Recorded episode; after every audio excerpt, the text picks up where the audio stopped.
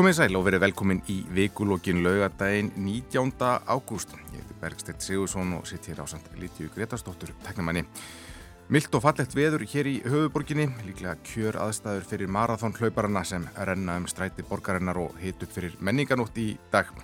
Hingað í hljóðverður komin þrýr góði gestir, það eru þau auður Jónsdóttir Ritthöfundur Haraldur Benediktsson, bæjarstjóri á Akranessi og þar til í vor þingmaður sjálfstæðisflokksins og Einar Þorstinsson, formaður borgar á sér í Reykjavík.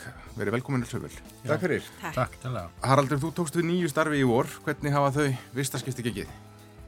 bara vel Já. Eh, mér hefur þótt þetta gaman Já, og uh, náttúrulega þetta frábært tækifæri sem ég fekk ég með þakkláttu fyrir það og uh, auðvitað er ég pínu tíndur ég, ég er átt að með á hlutunum Já. og lísti þessu einhver tíman ég var eins og ég var eins og dátir í bíli og svona stundum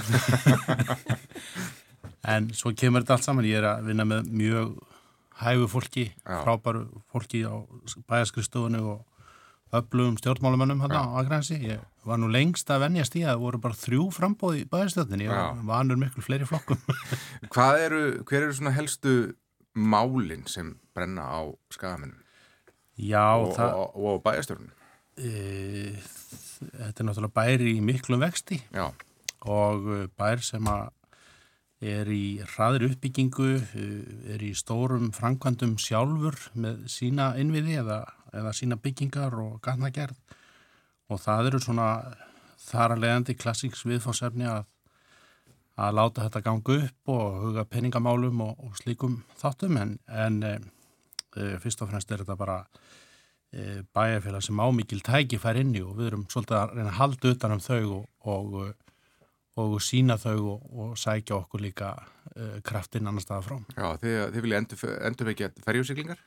Já, það er svona gömul og ný hugmynd. Það, þetta var prófað hér fyrir nokkurum árum, svona lítið tilunaverkefni og við eh, flagguðum þessu þegar gáum umsögn í samráðskáttum sangungáallin að við höfum áhuga á því að skoða ferjusiklingar hérna yfir. Það er nú ennþá kynsluðu hér sem mun eftir Akraborginni en Já. þetta er í sjálfsir önnur hugmynd, farþega ferja eh, sem að getur í öfnum höndum verið sko samgöngutæki fólk sem er að sækja vinnu til og frá Akrensi og, og það eru bæði fólk að vinna af Akrens og eins úr Reykjavík upp á Akrensi eða höfbrukarsvæðinu. Þetta getur verið kostur fyrir þau. Eh, Þetta getur líka verið góðu kostur fyrir eh, ferðamenn sem er að heimsækja miðbæði Reykjavíkur og, skreppi yfir og heimsækja miðbæði Akrenes Já. og eh, Þannig að þetta er svona hugmynd sem við viljum halda á lofti. Við höfum markað okkur líka kannski þá sína að við viljum ekki hvernig sem er skip, við viljum vera á nýjorku skipi, við erum, við erum til dæmis með 100% rafdreifna strætisvagna aðgræns, þeir eru vísu bara tveir en, við náum þeim áfanga í vor, hann að við þurfum að gera þetta með ákveðni hugssjón líka. Akranis verður svona Long Island. Það verður gekkja kúl. Já, einar mann heyrist að bara Akranes sé svona fyrirmynda, fyrirmynda uh, sveitafélag fyrir Reykjavík eða hvað? Já, er það ekki bara? Ég hef nú óskaði til hamingju með, með starfið og hérna Takk og, fyrir og, það. og tengið aldrei við dátýrin í, í bíljósunum svona við ættum kannski að stopna klúb bara þannig leið mér í fyrra. Já, en hérna dátýrafélagið.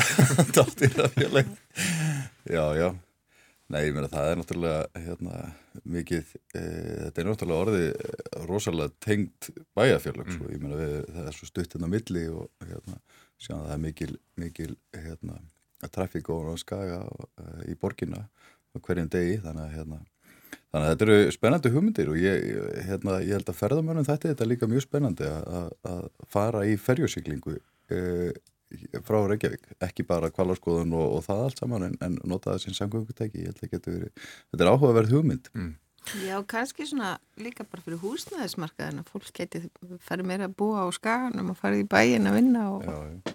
en svo er nú stemt að því að gera sundabraut hérna þannig að það er svona hérna, Ke keppir þá í bláu línuna. Nei, það, þetta er að sikkur hluturinn, auðvitað eru agnusingar að setja sundabraut í fyrsta sæti en, en e, þetta fekk svona kastljós þessi ferju hugmynd, Já. hún er svona skemmtileg viðbót, hún bæti mannlífið, ekki síst.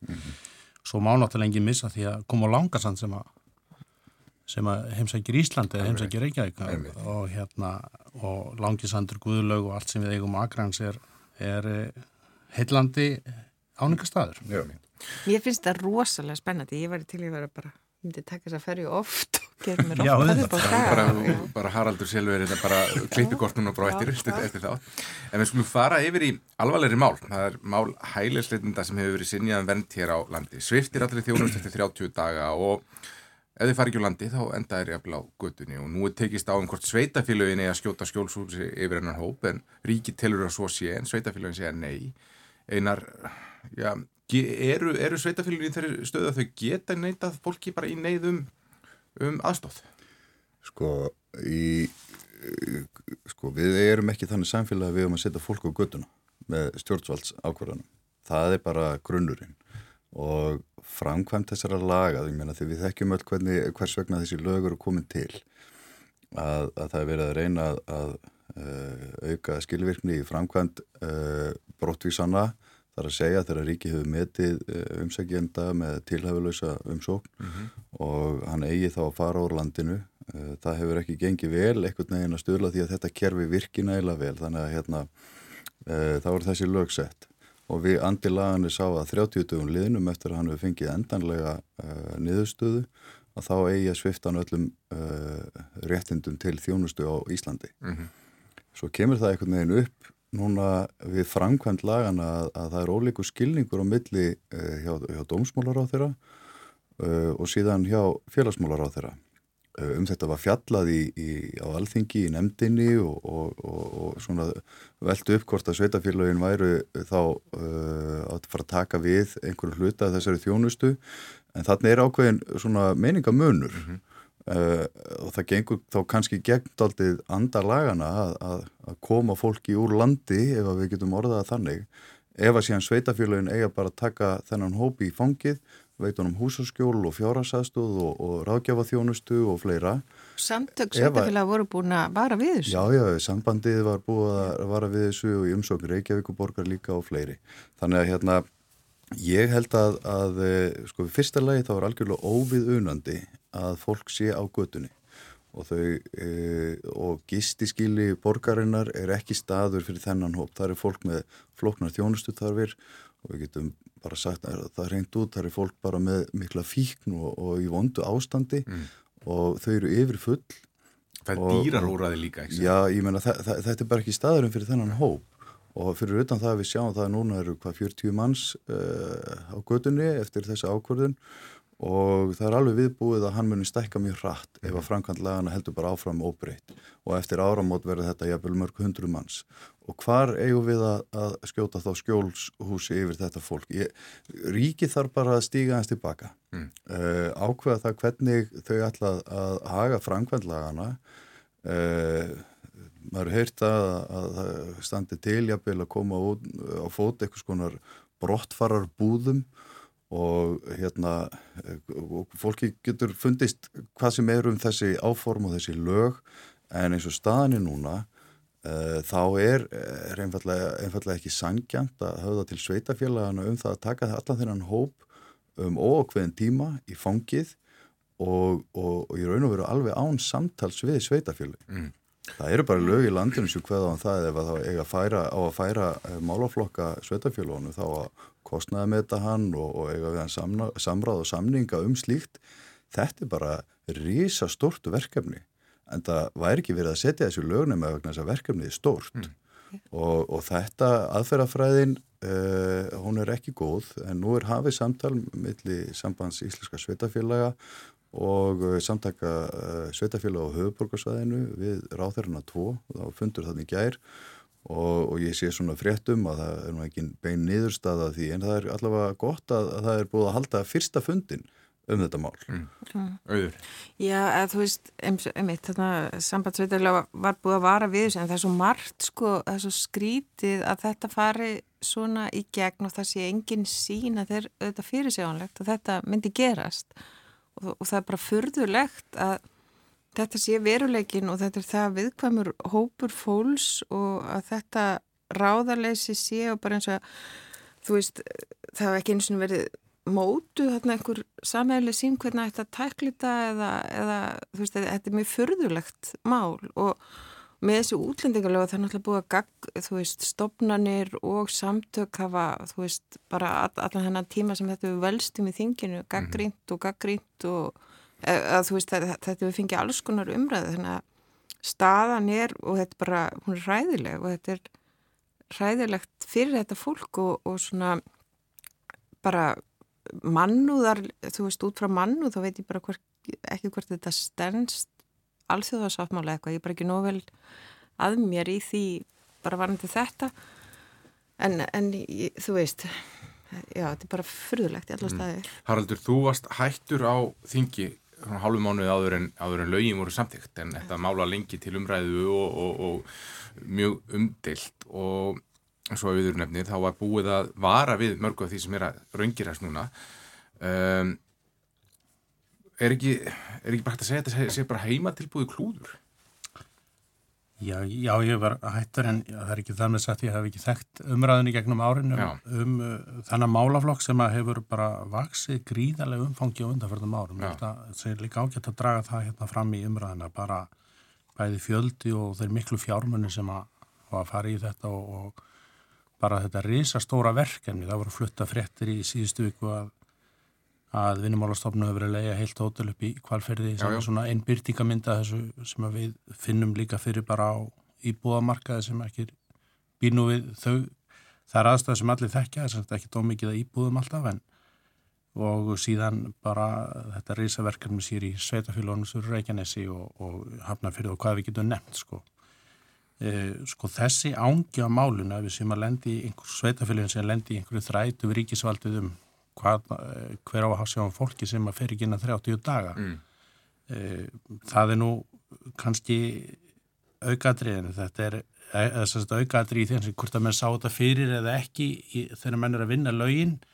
En menn voru greinlega ekki búin að teikna kortið. Þess að við, menn hafa gert bara ráð fyrir að þau færi inn að 30 daga en það fá það aðstuð til þess og, og það liggur þá allavega fyrir, fólk er búin að fara í gegnum þá ferla sem lögin hveð eh, áum, það liggur fyrir nýðurstaða og, og eins og Dómsmálráður hefur ítrekka sagt það er e, svona, við erum að gera ráð fyrir að fólk þá hlíti þeirri nýðustöðu. En það er sko það grunn hérna í þessu því við erum búin að horfa á hérna ímiskunar mál og, og líka bara mál sem hefur verið ránt úrskurðað í og það er allur gangur í, á, á þessu og líka bara þessi ómuleiki sem er búið að búa til með þessum lögum fyrir e, í rauninni fólk og hérna Þannig að sko, þetta er viðbúið að sé verið að búa til einhvers konar heimilisleysi, hérna bara fólk á, á, á vergangi og eins og eina var að segja, fólki á eftir að fjölga, núna er þetta hvað 50 og eitthvað manns, þetta verða 200-300 manns í loka ársins,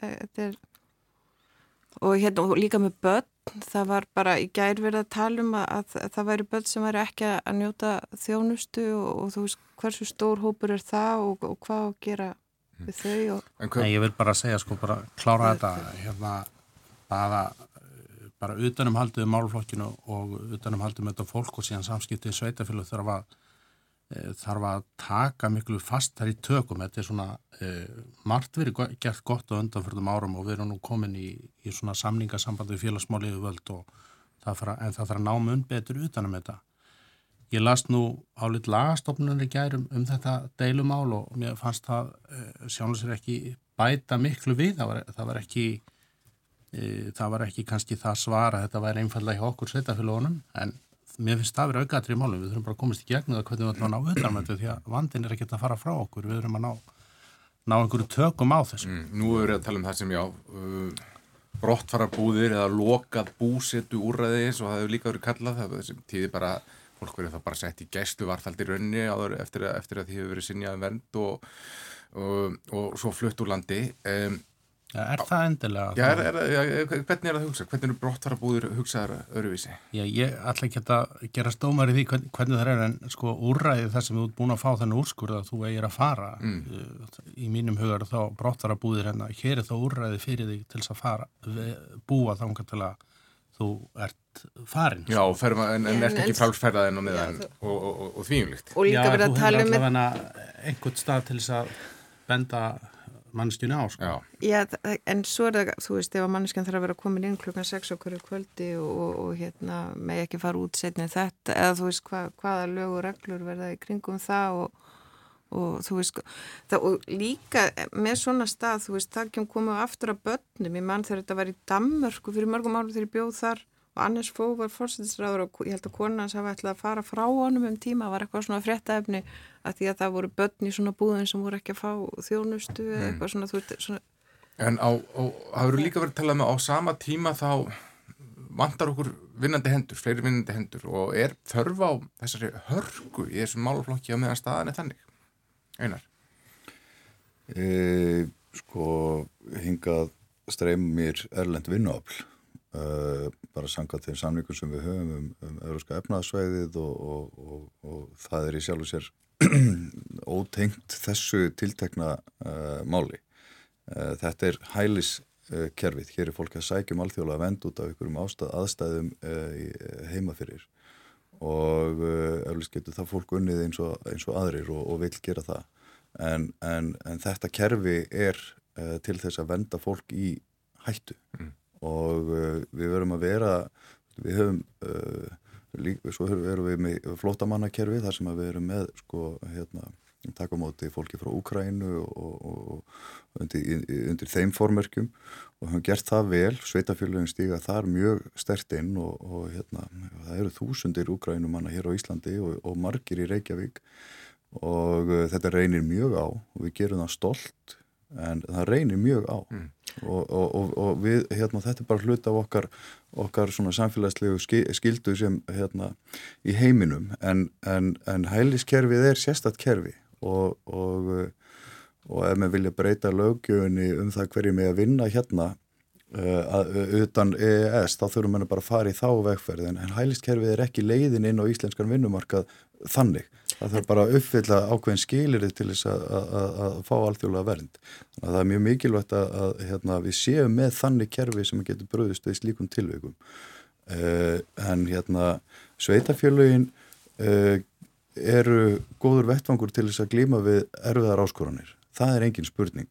Uh, ég bara vek aðgláð því að, að, að þá þarf að gera það í góðu samstarfi við stjórnvöld mm. og við þurfum að vera með í samtalenu frá byrjun og ef það er ætlunin að, að, að sveitafélagin taki á sig þjónustu, uh, taki sig, það að sér að þjónusta hælisleitendur og þá er það greinilega markmið að þeir fara ekki úr landi ef, ef, ef það er þannig, en þá þarf að breyta þeim lögum og þá þarf að semja við það um sveitafélagin að taki að sér að þjónusta þennan hóp. En það, en það hefur bara ekkit verið ja, á borðinu hjá stjórnum. En það þarf að opna þessa umræðu alla miklu meira og, og þú veist við lifum í breyttum heimi og bara á síðustu 10-15 árum hefur bara landslæði breyst mjög mikið og það er vita bara að, að fólk sem kemur frá öðrum löndum hinga að vinna það stöðlar að miklum hagvexti, oft er fólk að koma við höfum ekki þurft að fjárfesta í mentun fyrir það, það er að taka fá minna frá félagslega kerfinu heldur en meðal Íslandingurinn oft, það, það eru alls konar breytur í þessu sem vantar oft inn í umræðin og þar koma fjölmilar inn, þú veist, við þurfum að fara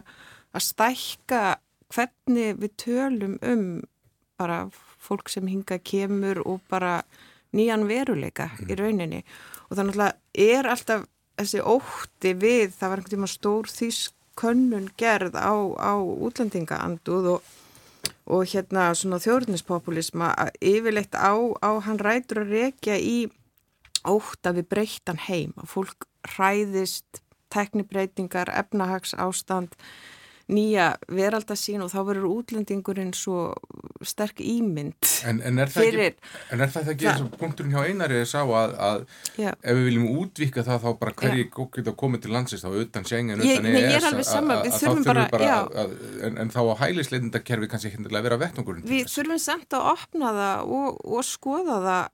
Ég held að við þurfum bara að skoða þetta allt. Þetta er, þetta, við þurfum að það er eins og umræðan er hér þá er hún rosalega polariseruð og hún er svona út frá eh, hverju máli sem bara kemur upp í umræðan en við þurfum að tala um þetta í bara stærri myndina og, og bara möguleika og, og jafnvel hvernig einmitt er hægt að virka fólk og, og líka því þú veist það er bara eh, sagt faktum að umræðan er svo mikið bara þetta fólk sé að taka einhverja peninga frá okkur meðan einmitt Ég- já, þetta er miklu flóknari mynd Ég, held samt að við séum daldi lánsum hér á Íslandi, hvað þetta varðar. Við sjáum önnur lönd í kringum okkur með miklu polariseraðari og ljótari umræðu heldur er hér á Íslandi. Við erum almennt séð í samfélagi þar sem að, að innflytjendur njóta virðingar og, og, og þeim gengur ágætlega. Hér er atvinnu þáttaka mjög mikil, börnin í skólum og Já. frísundastarfi og, og hérna í grunninn, við erum ekki verið með stóra innflytjenda andúðarflokka eða rasistaflokka og við, við, okkur, við erum la- Danmörku- lánsum að því leiti, ég er ekki að Já. segja við séum fullkomin, Nei. en við erum svona já. yfir, þá held ég okkur hafi gengið ágætlega uh, í, í þessum Við málaflokki. erum alltaf bara lítið samfélag og þetta eru mjög svona krefjand og mikla breytingar en það sem getur gerst eins og í Danmörku það sem til dæmis Dansk fólkaparti hafði svona mikil tök á orraðin er að bara allt pólitíska landslæði breyttist og það, það varð miklu meiri rasismi í allir umræðu. Og þetta er alveg svona hlutir sem þarf einmitt að krifja í fjölmjölum og opna og hafa hafa miklu umræðum, þetta er svo mikla breytingar sem við erum að fara í gegnum. Haraldur. Mér langar svolítið að grípa punktin sem að auði nefndi hérna áðan af því að ætla það að segja ein byrtingamyndin eða eitt púslið í þessu hún nefndi að það kemur hérna velmenta fólk og það er bara mikil auðlegði því að fá Já. það fólk en nýkomin úr landsmálupolitíkinni þá tók maður átt í umræðinum það sko hvað var erfitt að koma í gegnum kerfið okkar að meta mentun þessar fólks Mm. Og þar standa jafnvel bara stjættafélag einhvern veginn í stafni og, verja sig þannig að þau vilja ekki þessa samkeppni. Ég bara eh, mála þetta mjög sterkur litum, ég er ekki að ásaka neitt en ég segja, við erum að fá hérna fólk í atvinnuleit sem oft á tíðum er bara velmenta fólk en er ekki að fá viðurkenningu mentunar sinna hér. Og það er eitt verkefni sem þarf að taka miklu fastari tökum hvernig það er að viðurkenna uh, mentun uh, fólks á hennum fjölmörgu sviðum, hvort sem að það er tæknifræði eða heilbreyðisvísindi eða hvað það getur verið því að e, þar getum við virkilega bæði sko tekið betur á móti þessu fólki og það er líka okkur miklu vermaðara því okkur vantar fólk á mörgum sviðum. Já. og svo er það já líka bara með þú veist fólk sem er að eiga börn og, og, og fólk þú veist þegar það mingar að hérna fólk eigi börn og, og annað að hérna bara einmitt að fólk er að koma alls konar bakgrunn og, og bróði minni líðfræðingur og hann sagði mér að bara eftir 40 ár þá verða kannski vestran ríkja slást um innflytjandur þeir geta valið úr samfélagum því þeir eru auðlega líka. Ég sammála þessu. Ég, ég held að, að hérna, e, bara stærsta áskorun sem við stöndum frammi fyrir Íslendingar þessa, e, þessi misserin er það hvernig við ætlum að, að e, e, ná árangri með þennan 20% e, þjóðarinnar í dag sem að eru innflytjendur. Mm. Uh, við sjáum að þau koma hingað til þess að vinna í, í, í mikið í þjónustugreinum og, og byggingageranum og, og húsnæðismarkaðurinn er erfiður þannig að það er, er hátt hlutfallir á, á legumarkaði uh, það, er, það er oflítið byggt í landinu uh, og, og það er mjög varasamt ef að við uh, með áronum þróum hérna samfélagi þar sem að, að við höfum stjætt innflytjenda, hóp sem er á legumarkaði uh, og, og kemst illa inn á eignamarkaðin uh, ver, þannig verður ekki eignamyndun inn í, í, í, í þeim kynnslóðum, í, í þeim hópi á meðan uh, þeir sem er innfættir hér þeir eru í öðru, öðru samfélagi eða öðru kerfi og við fáum einhverja skiptingu í samfélagi. Það er gríðarlega Þetta er hættulegt og líka, svo við er þurfum náttúrulega líka bara að tungum gera samfélagi gyrnilegt líka fyrir fólk að koma yngar. En, en, en þessi, Já, en þe- þessi punktur að, að, að sko byggja og vera með húsnæðismarkað þannig að allir geti komist inn á eig- eig- eignamarkaðin eða, eða þá heilbriðari leigumarkað og, og það sé svona uh, eðlilegra ástand er algjört líkil atriði í því að við séum hérna með farsæla sambúð þeirra sem koma utan úr heimi og, og svo þeirra sem eru fættir hér og, og til framtíðar en svo er náttúrulega bara stóra áskorunin sem að er íslenskan að, að, að, að börnin sem fær í skólana uh, að þau fái stöðning til þess að læra íslenskun og aðlaðast samfélaginu og, og, og þar eru við uh, þar held ég að við þurfum að gera Já. stóra átak Mér lókar að tala um íslenskuna á, á eftirinn. Þessu, þessu tengt, um, sko, félagsmálaráður hefur farið á leit við Reykjavíkuborgum að þau, hún farið að undirbúa svo kallega skjólgarða fyrir, fyrir flottamenn. Þetta er, þetta er rauninni bara svona gámabyðir uh, ef hugmyndin uh, svona, hefur manni sínst. Hvað er það statt? Það er, uh, við tókum bara eðlum og samkvæmt uh, þeirri beini vel, setjum hana bara í ferli. Það þarf að skoða svona, þeir kallaði þetta skjólgarða, mm -hmm. gott og vel. Sumstaðar hefur þetta verið kallað hérna, mótökubúður eða flótamannabúður eða hérna, hvernig sem við vilja líta það. Ég held að, að nafnið fæðist kannski þegar við sjáum hvernig þetta er útvært og það er ekki sama hvernig þetta er útvært. Uh, þetta þarf að vera uh, staðsendingin þarf að vera góð, hún þarf að vera nálat almenni samgöngum, verslun uh, og, og ekki einhvern veginn í jæðri byggðarinnar þetta þarf að vera hugulegt og, og öryggi og þarna hefur að búa skilt með fjölskyldur mm. og jafnvel með börn og þetta, við erum bara að, að sækja bestur ráð auðvitað úr heimi til þess að sjá hvernig við getum hérna svona lagt okkar í búkið um það hvernig þetta lítur út. Það er uh, ég veit ekki hvort að við kallaðum neyðar ástand, það er bara alvarlegt ástand varðandi húsnæðismál fyrir þennan hóp uh, sem eru þá flóta fólk. En, en svo er líka bara alvarlegt ástand á húsnæðismarkaði almennt í, á höfuborgarsöðinu þannig að hérna, þetta er bara í, í vinslu mm. Og við sjáum hvernig það verður. Og ég held að fólk ætti ekkit endilega að gera uh, ímynda sér það að þessi hýbili verði eitthvað hræðilegt búsitúraði ég held að þetta getur litið bara mjög vel út og, hérna, og það er mikið þróun í svona einingahúsum Já. og tilbúnum húsum sem að koma og það þurfu ekki vera gámar eða þið vitið, það, við þurfum bara að sjá hvernig þetta mun líta út. Mm. Þegar þið voru að komað viðtækjunum þá það að hlusta á vikulokkin, gæsti mínir eru Einar Þorstinsson, Haraldur Benediktsson og Auður Jónsdóttir. Um, yfir í aðra salma Reykjavíkuflugutur, síkilda þrætu eppli, hann gekk í endur nýju lífdaga núna í vikunni. Sígrænt. Þrætu eppli. Þegar Ísafíða fór fram á Reykjavíkuborg myndi höggva 2900 trí, 1200 til vara í öskullíðinni, einu vinsælasta útífistasvæði borgarinnar. Um, og það er ásfrestur til að draga fram keðjusæðinar. Uh, Haraldur, þetta svona þetta er nokkið ekki, ekki, ekki kannski til þess að brúa þessa skotgröf sem, sem, sem þetta mál hefur verið í, í áratví Nei, hann er gott að beina þessi fyrst í mín sko. Já, ég, ég tók eftir þessum fyrir sko, við, nefnd, við vorum hérna aðeins að tala með hérna um ferjuna til Akransson og svo nefndum við sundabraut og það sett ég svona ákveðin þunga í mm -hmm. e, sko Reykjavíkuflugull sem samgangum miðstöða, samgangu tæki fyrir staðstar hluta landsbyrjun er, er hérna í þessu samingi ferja sundabraut fyrir agrunisinga. Við höfum, við höfum kannski ekki gríðilega mikla hagsmunur ekki eitthvað hlutli en, en eh, hér er nú kannski máli bara og ég er ekki að segja neinn vísindi, þetta er margra ára, margra ára umræða um reykjaflugl, þetta er flugörgismál, kannski snerti svolítið hjartaðið með bara sem bóndan að ráðast á trenin. Það er nú eðli skóa að hérna, endur nýjað og grísja en, en eh, ég tók allavega eftir því gæra að svona umræðan þetta hafði nú kannski aðeins tróskast menn vildu taka þetta víðar þannig að það væri ekki bara spurningu um skóarhag en skóarhag en, en e, fyrir mér er þetta bara enn og aftur umræðin um örgi flugvallarins mm. og, og, og þar, þaðan eigum við að nálgast þessu umræðin. En dregur þetta ekki líka það fram að það hefur bara mistíkist að leiða þetta mál til líkta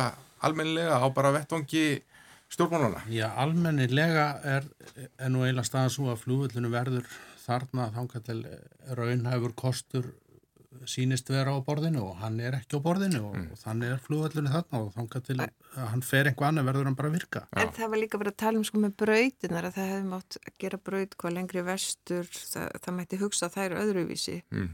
Það var hvað, ég var hvort að lesa eitthvað viðtölu við þarna, einhvern skoræktamann sem bent á þennan möguleika Svo er annað með svona svæði og það er mjög dyrmætt með svo tempelhóflugöllurinn inn í Berlín sem var flugöllur og einmitt þar sem vélarnar svolítið að steipa sér niður það var rosalegt að lenda þar. Og svo er þetta gert að risa leiksvæði fyrir borgarbú og þetta var mjög pólitísk máli þetta var svo dyrmætt land inn í miðri Berlín og, og mikið af, af fólki sem ásældist og þetta var alveg kostningamál en það var úr að borgarbú að vildu hafa þetta bara sem risa leiksvæði inn í mm. borgin og það, mjög, það er mjög dýrmægt þar, það er ekkert á tempelhofnum, bara flúbrutir og þar fara allir að leika sér, þetta er bara svona lungu inn í Berlín. Já, ég held að það er því seint niðurstaðan hér sko. En, og ég bara segja, þetta er dýrmætti sjálfu sér sko bara, og, og líka bara trén reynsa lofti, trén eru lungu já, í borginni. En, en líkil, líkil atrið lítið þá að vera hvar á þá hinn innanlands, en nýr innanlandsflugul þarf að vera. Já, það, það ætlum ég bara að segja eins og Jón Gnars að ég hef aldrei áður flutt flugul. Einar, er þú farin þá bara að brína auksina? sko, það er alveg rétt sem að Haraldur segir hérna, eh, sko, það er bara samningur um það að, að hérna, að ef við finnum nýtt stæði fyrir flugvöldin þá, þá er hérna þá er hægt að setja hann þangað sko.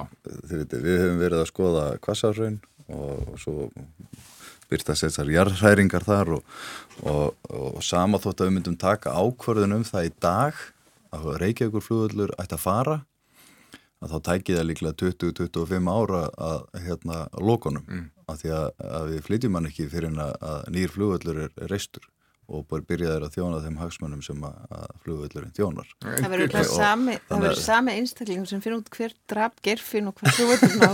Já, Nei, þannig að þetta, þetta er staðan sko, við bara hugsaum svona um tímaraman í þessu. Uh, hérna, það, það er alla líkur að þetta sé tímaramin. Mm. Þannig að þanga til þá þurfum við að tryggja fluguröryggi og rekstraröryggi uh, flugvallarins og um það eru samningar líka og uh, þannig að, að borginn tekur svona beðni frá Ísafi að sjálfsögðu bara alvarlega. Uh, en um þessi mál í öskullíð trén uh, og hæð þeirra bara, hefur verið ágættið samkómurlag síðan 2013 og 2017 var farið það að taka niður held í 120 hæstu trén og síðan á, á hverju ári hafa verið fælt þarna einhverjum, einhverjum tíu tré á, á ári og í samræðu þá við Ísafi að þeirra beðni og ég held bara að þetta væri í þokkalögum uh, farvegi mm. og hérna ef að Ísafíja hefði beðið um að taka 20 viðbótið eitthvað þá hefði bara þurft að metta þá og, og eflust hefði það verið gert þannig að þegar þetta bref kemur í sumar uh, og uh, og uh, svona tótnin í því sem komir alltaf óvart það stegir þarna að það var laust eigi að fella 2903 og til vara 1200 og það var laust og ef að Reykjavíkuborg gerir þetta ekki strax þá munni Ísafi að beita skipalagsreglum flugvallarins og, og atbyrna ráðanætisins og, og svona til þess að knýja þetta fram. Þannig að þið finnst að vera og, frekjulegt svona? Já, ég bara, ég bara svona veldi aðeins fyrir mér á hvaða leið uh, Ísafíja er já. þegar þeir stilla þessu svona upp að því að, að það kemur í sko ljósa að, já, að það kemur líka í ljósa skíslan sem þeir senda með þessu brefi er áskömmul. Mm. Þannig að hérna, þetta, þessi krafa um að þetta verði gert uh, tafarlaust Uh, hún skýtur doldið skökku við því samiki en gott og vel. Við að sjálfsögðu hérna, vinnum þetta bara mál uh, faglega. En, en hver er drauma lendingin fyrir þig bara sem stjórnmálamæðurinn Einar Þorsteinsson? Hva, hva, hver er framtíðasín þín fyrir Vassmýrina viltu sjá þarna íbúðabyggðið að flúvall?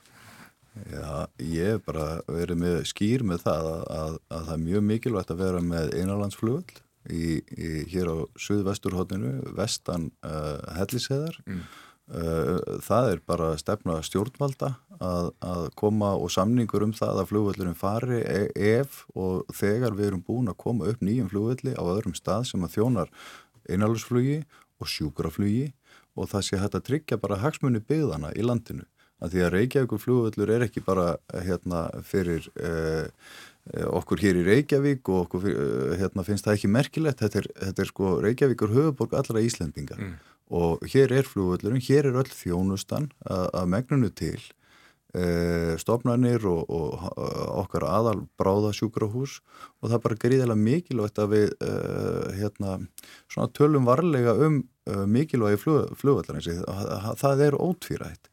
En, en ég átta mig líka á því að út frá borgarþróun þá er mikilvægt að, að horfa á þetta land sem, sem framtíðar svæði þannig að þetta hérna eh, fyrir, þá, fyrir eh, þróun Reykjavíkur þannig að þetta er bara uh, hérna svona tvær hliðar á þessum peningi mm. en á meðan flugvöldurinn er þarna og eins og ég segi þá er hérna ekkert, ekkert útlitt fyrir það annað en hann verði þarna í, í ykkur áratíu viðbót mm. að þá þarf að tryggja öryggi og, og rekstarar hefði hans og, og það ger ég. Mm. Haraldur, þú sást að það þingdist brúnin á einarið þegar það var að lýsa tóninum í brefinu frá, frá Ísafja. Voruð þau ekki bara að hella ólí og eldin með, með þessari nálgun? Ég er nú ekki lesið brefið, ég heyri bara hvað, hvernig Einar flyttur textan voruð hér og, og, hérna. og er mikið niður fyrir? Ég hef ekki... Nei, ég bara, ég, maður var, var vanur að fá kurtisíslegu bref og ég ætla ekki að segja þetta bref hafi verið dónalegt en það var svona ekkur tótn í þessu, það er svona daldið eins og sá sem sandið að hafa verið á síðasta degi fyrir sumafrí Já. og vildi koma þig frá sér hrætt og öruglega og koma þessum trjám eitthvað nefn bara í, í, hérna, í kurlun. Já, en, Já en, það en, var líka eitthvað hvert um þetta hljómað svona að vera annarkort skúri öskullið eða fljóðurlun. Að að, hérna, öskullíðin er dásanlegt útvistarsvæði og þetta er borgargarður samkvæmt aðalskipulagi, hann er á hérna, e, ég menna þetta er þetta er gömul og, stór og fallit. Er ekki líka sterk verndar ákvæði? Jú, jú, þetta er hverfisvendað sem er aðsta vernd í, í, í, í hérna uh, hjá Reykjavík og Borgan en, en þú veist, við setjum þetta bara í stjórnsýslilega meðferð mm. við bara en. setjum þetta í, til umsagna og það, það þarf að gera einmislegt sem að hérna, það þarf að skoða þetta, hugsaður þetta umhverfismatskilt og, og fleira þannig. En Ísafja, við skulum ekki gleyma því að það náttúrulega býru við ákveðin, ákveðin, ákveðin rammareglna og það verður að huga þessum örgis Eðlilega. þáttum og, og síðan er Ísafi að aflæst undir öðru eftirliti hvort það býtu hvernig þið er að framfylgja þessum örgisreglum og, mm. og alþjóðlegu eftirliti. Já, og alþjóðlega kröfur um, um slíka hluti en, en sko Og enginn vill verið flúvel sem að stýmir á trí Og enginn vill hafa borið ábyrð á því að hafa ekki gætt reglana Nei, nei, nei ég hef alveg ég... skilning á þessu sjónamiði Ísafja en, en, en ég held að, að, að eh, já, það verður stort skarð hókið í útvistasvæði reykvíkinga ef þessi trí verða öll feld eins og þau krefjast og það, hérna, þannig að eitthvað staðar er nú, nú millivegurinn í þessu mm. og, og, og við finnum, finnum út úr því. Já, mér langar að vera að fara mér á voða í þessu samtali um, um hérna. sko, ég var nú tíma formað samtaka bænda Já. á Íslandi og 8 í norrannu samstarfi og, og uh, flest skandinavinni voru náttúrulega allir með skó og sínum jörðum og, og hérna þeir voru stundum að ræða með það ykkur vantar ennþá uh, menninguna að vera með skó það þarf líka að tre mm -hmm. og það vantar svolítið í íslenska skórættamenn bara bara kjarkin í að fella tré. Mm. ég ætla ekki að segja, mann grís ekki skóana sína en það er að hugsa um skóa líka sko, þannig að þeir séu þannig að þeir virki og það er kannski bara komið á þau tíumpunkti í skórættu Íslandi, ég ætla ekki að segja bara sendilega í öskjulíð þetta, þetta við þurfum að fara að hugsa svolítið skóana því að þeir eru að stækka og við þurfum að, að hérna, gæta því hvernig hvernig þeir þróskast og, og nýta það. Já. En svo líka að hugsa kannski bara trefn, ég náttúrulega var einhver að segja mér bara í síðustu viku að Danir væri að fara að taka ákveðin plási í kaupanahöfn þar sem annarkvært bílastæði verður tref. Þá, þá var bara planta tref í annarkvært bílastæði. Já, ég sé að kvik, kviknar á perunni hérna hjá einari tíu, þannig að það er... Ég held að sé bara hverju samfélagi að huga vel að grænum svæðum, ég held að það sé aðal máli. Og ekki með lúpínu bara alltaf ekki bara rúpínu en fyrst við erum komin í, í ræktunina þá langar að tala um málrækt. Bubbi Morten skrifaði grein í vikunni sem hétt aðförin, nei, hernaðurinn mm. gegn íslenskunni tilvitnun í Haldur Lagsnes sem skrifaði um her, hernaðin gegn landinu á sínum tíma á. Og þessi uh, grein náði miklu flugi. Já. og margir takað undir. Ég er mikill hverjúland þarna og á sammála Bubba.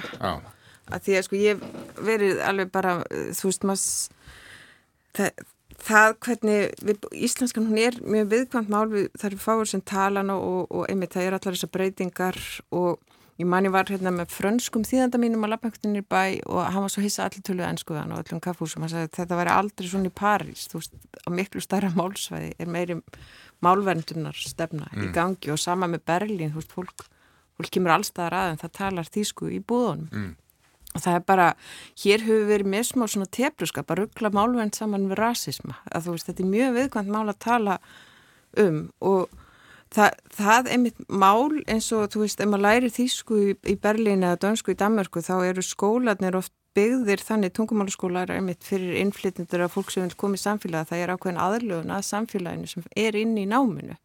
Þannig að tungumálanámið er hugsa til að styrkja fólk til að taka þátt í samfélaginu að miklu leitið, hér hefur þú veist, undanfærin ár, það er bara allt innu öll skilt og ennsku, það er ég dökkarð ef ég kemur á kaffús ég hef þótt afgrúslamannskans í Íslandska og byrjum stundum að tala ennsku um mig. Mm. og það vantar greinlega alveg einhverja svona það er rosa mikið, ég, ég skrif þetta miklu meira á túrismann sko samt heldur en innflytjendur eða eitthvað svona. Ég, þetta er ekki þetta, það, það er mitt gerir þetta allt svo viðgamt þetta er ekki, þú veist, þetta er meira bara líka bara hvernig ferðarþjónustan staðið þessu og fólk með fyrirtækir ekstra. Og við verðum að fara ef við ætlum að eiga íslenskuna og bara þetta frábara tæki sem gerur okkur kleift að hugsa í okkar blæbröðum og hugsa, bara skilja heiminn út frá okkar forsöndum, það er það sem íslenskan gerir að þá verðum við að fara að bara gera eitthvað mjög meðvitað, mm. það er bara þannig. Það er ímyndilegt sem sveitafélag geta gert og þau eru að gera svona en það kannski fellur flatt ef hagsmunaðalinnir, ef fyrirtækin og þau, þau leggja ekki uh, leggjast ekki áratna með okkur? Já, ég held að þetta sé miskilinn þjónustulund mm -hmm. að vera með, með skildin og ennsku og, og gott og vel ef að afgriðslu uh, uh, mannveiskan getur hérna talað ennsku en, en við erum að sjálfsögða að tala fyrst íslensku og það er mjög mikilvægt. Ég var nú bara í Fraklandi í sumar og, og, og það er alltaf frönsku Já. og það, þannig vil ég hafa það. Ég vil ekki alltaf vera á, á ennsku. Ég er ekki að fara til Fraklands til þess að tala ennsku hérna, eða að lesa ennsk skildi. Ég held þetta, við séum að, að hér séu uh, uh, þjónustu aðalarnir, hérna þeir sem er að merkja sína þjónustu með ennskum skildum séu einhvern veginn að miskilag það hvað held ég að túristinn vilji yeah. hann vil bara vera á Íslandi og, og lesa eh, skrítin orð og skrítna setningar og, og hérna og uh, ég tel alveg rétt að staldra eins við í þessu en mm. við, þetta er kannski byrtingamind þess að við erum að, að einhverju leiti eins og vorum að tala um áðan við fengið hérna uh, stóran hóp innflytinda til þess að, að vinna í uh, í bæði byggingareinaði, fiski og, og svo í, í hérna, uh, ferðarþjónustunni og, og hlutfallið er svipað í þessum greinum, uh, þar að segja hlutfallið innflytjanda uh, og, en við höfum verið að færast úr því að vera framleiðslu þjóðfélag yfir í þjónustu þjóðfélag. Og, og þannig að þetta verður og með uppgangi ferðarþjónustunar hefur einhvern veginn það bara orðið meira að við erum hérna, að fara út í þetta að vera þjónustu hérna, samfélag og, og þá verður þetta svo ábyrrandi og við náttúrulega verðum að, að gera okkur í brók já, og taka á þessu, ég er alveg sammála því. Já, þetta er svona tefnskapur, ef einhver segir bara já, þú veist, fólki afgriðslu getur að þú veist talað íslensku um og þá bara sagt þú ert rasisitti, þessi mannsker frá þessu landeg, en þetta snýst ekki um það. Málið að læra nokkur orð í tungumálinu í landinu þar sem þú býr, ég verið innflytjandi fjórum löndum.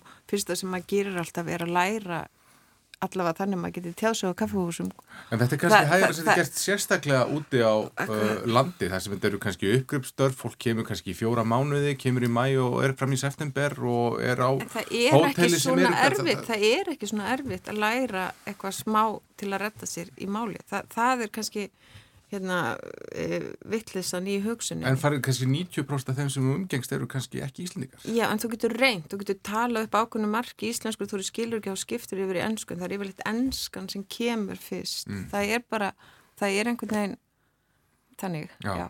og ís, ég held að íslendikar haldi ofta þessi sko betri að ennska er ekki eins og hvaða merkingu sem við leggjum í móðumál að þú veist, þetta er svona finnast maður vera rosa góður í ennskan heyri ekki alla vittlisunar sem mm. það gerir Já Við erum ekki, við, við erum ekki tvítingd eins og sumir Nei, nei, nei. Eh, en hefur þú áhyggjur á þessu ástandi, Haraldur?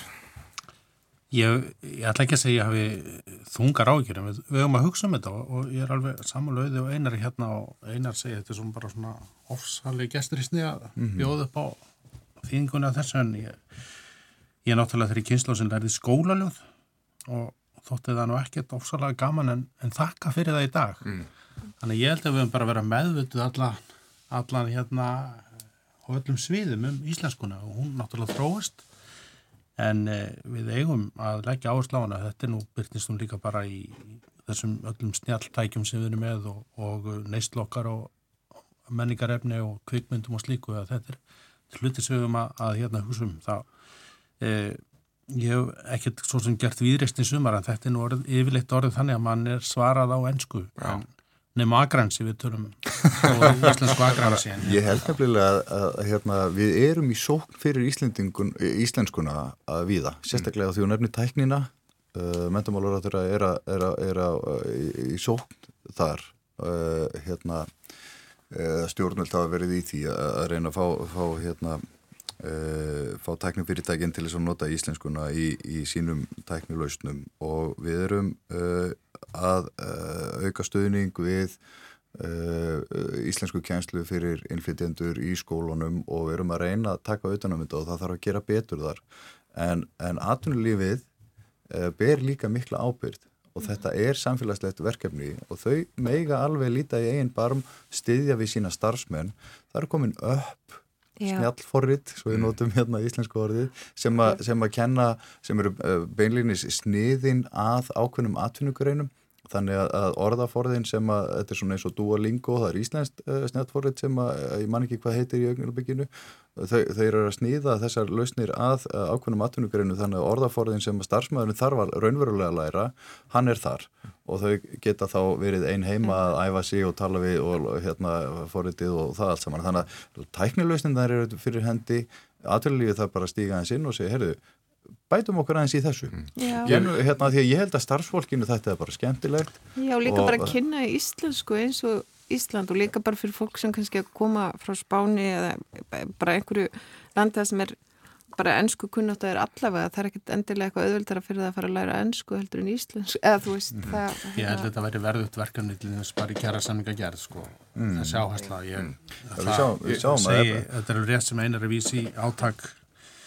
menningamálur á þeirra að verja íslenskuna og við vorum að fást við þetta í þinginu í fjármála áallun og slíku þannig að það mennur alveg með þetta en fyrir mér blasir núna til dæmis við það eru fleiri og fleiri sem er að setja stað til lengri tíma, þetta er ekki lengur bara þessi verðtíðastemming en... og ferðarþjónustan er orðin eh, mjög víða bara sterk allt árið og þá þarf líka að fara laga sig að því og mm. bjóða þá þessu fólki líka hjálpina við það. Já, talandum vertíð, kvalviði vertíðinni, henni var frestað í sumar Já. og á að hefjast fyrsta september á breyttu. Gerir þú ráð fyrir því að það gerist, Haraldur? Já, ég gerir ráð fyrir því. Það... Hvað hefur breyst síðan? Bara Svandís tók þessa ákvörðin út frá því að henni þótti ekki velferð dýran ekki treyðið við þarnar og þess að þar hefur það breyst síðan þá? Sko, mér eins og ég sagði þá, mér fannst þetta algjörlega óforsvaranlegt að gera þetta með ja, stuttum uh, fyrirvara og gert var. Og síðan var þessi frestun gefin út og við reynum með því þá að, að e, það standi en það er líka tímin orðin fram að fyrsta september líka stuttur sko, mm. þannig að það mér finnst að vera næstum Uh, jafn alvarlegt ef að núna fær að koma uh, hérna, segir þau, ég ætla að flauta þetta ég myndi ekki með þessu að ég ætla bara að fresta. Þá er hann bara átt að segja strax í vor, heyrðu, ekki kvalvegar meðar, mm. meira sko. En tímabili, það, það, það er komið að því á næsta ári, þá ætti, þá ætti að endur nýja uh, heimildir til kvalveða. Já. Er ekki útilokað að það veri gert með Sandis Svástáttur við uh, í brúni? Ég ætla ekki að segja það. Ég meina, það eru bara ákveðin umhverju þar sem að fyrirtækin eða þetta kerfi gengur í gegnum mm. og það verður þá að vera bara sterk fagli rauk fyrir því hvað svona það ætti ekki að vera sko. mm. En hún hefur stemt alveg lengt og ljóst að þessu, ekki, ekki sett? Já, við þekkjum alveg stefnu vinstri græna, menna það var tekist á, hann, á um hana við stjórnamynduna viðræðunar síðustu og þá var samuðum að það erði ekki sett bann við kvalveðum og, og það er þessi ríkistjórn er mynduð á grunni þessa stjórnarsáttmála sem stefnir ekki af því að banna kvalveðar mm. og það væri meiri átt að stefnubreitinga mínu vita að hverfa frá því.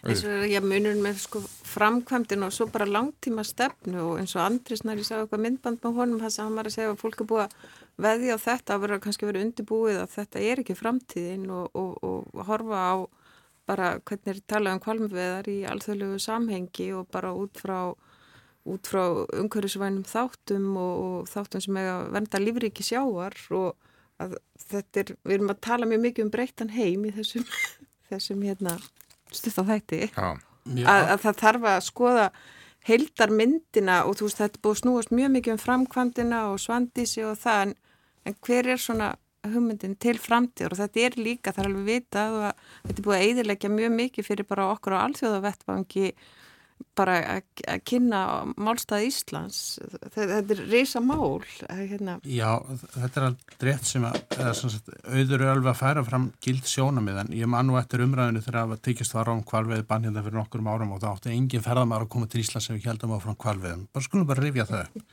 en það sem ég er bara að líka segja uh, fyrirtæki verða að treysta ákveðin stöðuleika þau, mm. þau undirbúa starfsemi sína í, sína í góðri trú og það eru bara nýjir tímar á Íslandi ef að hægt er að kippa fótónum undan e, fyrirtækjum með, með þessari framkomi eins og þarna var. Mm. Ég verð bara að fá að segja það. Alveg óháð því hvað eru að fást við og hvaða skoðanir við höfum af því. Sko. En það er líka, maður hittir líka alveg fólk sem er kannski hlind bannunu en ekki hlind framkvæmdini. Það er, það er líka bara kannski hvernig var... Já, en þetta er reysa mál fyrir... E, Akraðinskustad og íbúa þar og, og sveitinar í kringa og okkur munar alveg um þetta. Er þetta risamálífna? Þetta er tímabundin minna sem uh, hlýst af þessu og, og því um líkt. Er, er, þetta, er þetta miklir hagsmunir í húi? Já, þetta er líka bara hagsmunir um sko kvalviðstöðun svo sem hún er búin að vera hérna til áratöga mm -hmm. og, og þetta er í atvinnumenningu okkar á svæðinu að, að stunda þessa veiðar og já, þetta er risamál. Þarna eru týr manna að, og hvenna sem að hafa uh, beina afkoma að þessu. Þeirra vísu ekki heldur vinnun í sumar og reyndar dagvinnu tíma. Uh, svo gleymast líka þjónustu fyrirtækin sem að hafa af þessu hluta sinni, uh, sínum tekjum og sinni veldu að þjónusta þessi fyrirtæki. En að fyrir þetta byggðarlag Norðan kvalfyrðar þá eru kvalveðar eina af eina af atunungreinunum og það er mikil breyting af að fara hverf endanlega frá því. Einar, þetta, þetta mál undistryggar ágrinning ætlum við ekki að tala um menninganótt Jú, við gerum þetta ætlum Alveiðar, og glimtur Ísrael-Palestín Við skulum við koma menninganótt En þetta undirstrykar Þetta undirstrykar ágrinning í ríkistöldinu það sem þeim flokkur já, já, er í. Já, Það er viðbúið að þessi flokkar uh, voru ekki sammála og hafa ekki verið sammála um, um, um kvalveðar sko, og ég held að allir sé það ljóst en það var samið um þetta við stjórnar við myndum þessar ríkistjórnar og, og alla jafna þá eru flokkar ekki að fara að kvika frá. Þannig að þið finnst þetta í að standa? Já, ég, sko, ég get alveg haft mínu skoðanir Það er að veiðar ég hefist aftur? Já, ég bara, þú veist almennt séð þá er bara stendur stjórnarsáttmál mm. það er bara svona aldrei gullna reglan.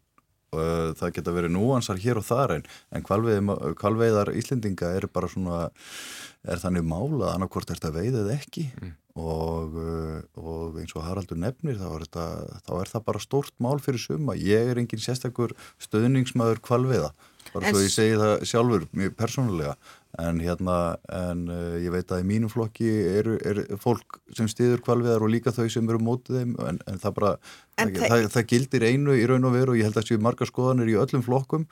En það var samið um þetta þarna og, og, og þá svona uh, þá maður aðeins hugsi yfir því hvert þetta stefnir og ég fegin að við erum í borgin erum ekki með bæjar útgerð eða kvalveiði útgerð En svo er það líka bara dýranýðslutin og, og hvernig sé staði að þessu og þegar það álit kemur það náttúrulega spila eh, minnum við líka mikið inn í bara úrskurð svantísar er mm -hmm. bara, eh, bara já, mm -hmm. matið á, á að, að þarna sé dýranýð Já En nú langar maður að tala eins um menninganótt. Já, það. það er svo, svo lítið eftir að þettinum, en Já. það er bara mikið undir þér. Þetta er einn af hápunktum sumarsins hérna í borginni. Já, Hvað ætlar að gera þetta eina? Þetta lítur vel út. Ég er að fara... Uh, Ég verði líklega síðastur í skemmtiskokkinu sem byrjað klokkan 12. Ég, ég er hérna fastur hér. Já, ég sé ekki ráspísuna hérna stingast upp úr basanum hjá þér. Nei, það var ræðilegt hérna fyrir ári. Já. En hérna, eh, jú, ég er að fara eh, í það og, og síðan alltaf ég eh, nýri Ráðhús klukkan 1. Þar er, erum við að heiðira Vestmanninga eh, og fagna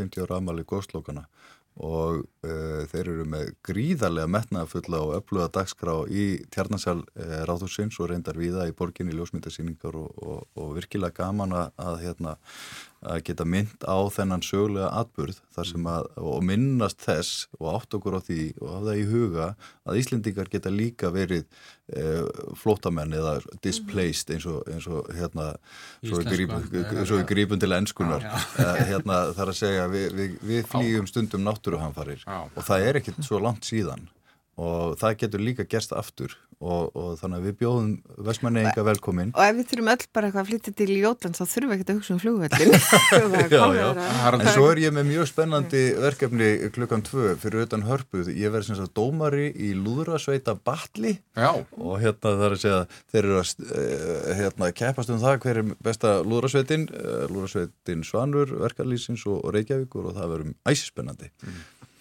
Haraldur, þú ert komin í bæin, ætlar að nota takkifærið og þræða viðburði nýri í miðborg eða er það beint upp á skaga eftir? Nei, ég er að fara að slá setnislátt. Já. Ég ætla að hella mér í það þegar ég, þegar ég kem upp eftir aftur og hérna, ég á allan setnisláttin eftir. Ég er nú bóndi líka. Sko. Já, nýtur þess. Það, hvað gerur þú í traktornum þegar þú ert að slá? Og það er svo, það er svo frábært að vera á traktor. Ég, ég hérna, er alveg sama hvað ég verð gaman minnst þetta alltaf svo skemmtilegt. Vartu alltaf með eitthvað í útarpinu hvað ert að hlusta á? Erðu, já það er nú útdarpið oft í gangi, það getur nú bara verið rástöð, oftast ennur reyndar rástöð og viljan og hvað þetta er, já. en svo er ég orðin stórneitandi og stóritel. Já. Mm -hmm dásamlegt. Ertu að hlusta bók eftir auði núna? Það hef ég gert. Já, er gaman að vera í traktor. Já, það er ekkert betra. Sko. Auður, hvernig er, lítur Helgi núndjóð þér? Er, ég er bara í svona skrifbúðum Já. og er alveg bara að missa vitið. En hérna, ég ætla að fara eitthvað í bæ og fá mér ís. Og... Já, hvernig, hvernig finnst þið miðbærin vera? Nýtur þið þess að vera inn í bæ á menninganótt? Sko, ég er náttúrulega svo mikið alltaf nýr bæja þannig að það, þetta er allt öðruvísi þegar menninganótt er, þú veist, þá er eins og sé alltaf ekki ploss fyrir mig, ég er svona eins og krakki sveit sem finnst þú veist, maður er alveg upp í sveit og finnst maður bara eiga sveit. Þannig að það er svolítið svona. En ég er rosa spennt að sjá lúðrasveit, sko, Já. mér finnst það alveg Kondu, mjög skemmt nýri hörpu og, og, hérna, og fylgstu með. Þetta verður, uh, það er búið að hérna, lofa því að þetta verður rosalegt Já, ég... En svo er náttúrulega tónleikar uh, hérna í kvöld á Alvarhóli, stór tónleikar. Og hérna og náttúrulega bara dagskrán er ótrúlega viðamikil og já. glæsileg þannig að hvern alla til að fara. Og það eru skullur nýri, eða semst ókeppis skullur frá lögadalum þar sem hættir að leggja bílónum sínum ef fólk uh, kýrsa að fara á bílónum nýri í bæ. Og þá er þetta komast beint inn á, á nýri miðbæ með, uh, með svona stræt og skullum þaðan. Stórgott. Skulum... Svo náttúrulega bara talandi í íslenska menningu mætti nú vera með eitthvað næsta ára sem traktorar komið í sög. Ég líst mjög vel á það. Er það ekki? Jú. það var traktori farabrótt í Gleðigöngun Akrænsi sem var frábær hátið. Já.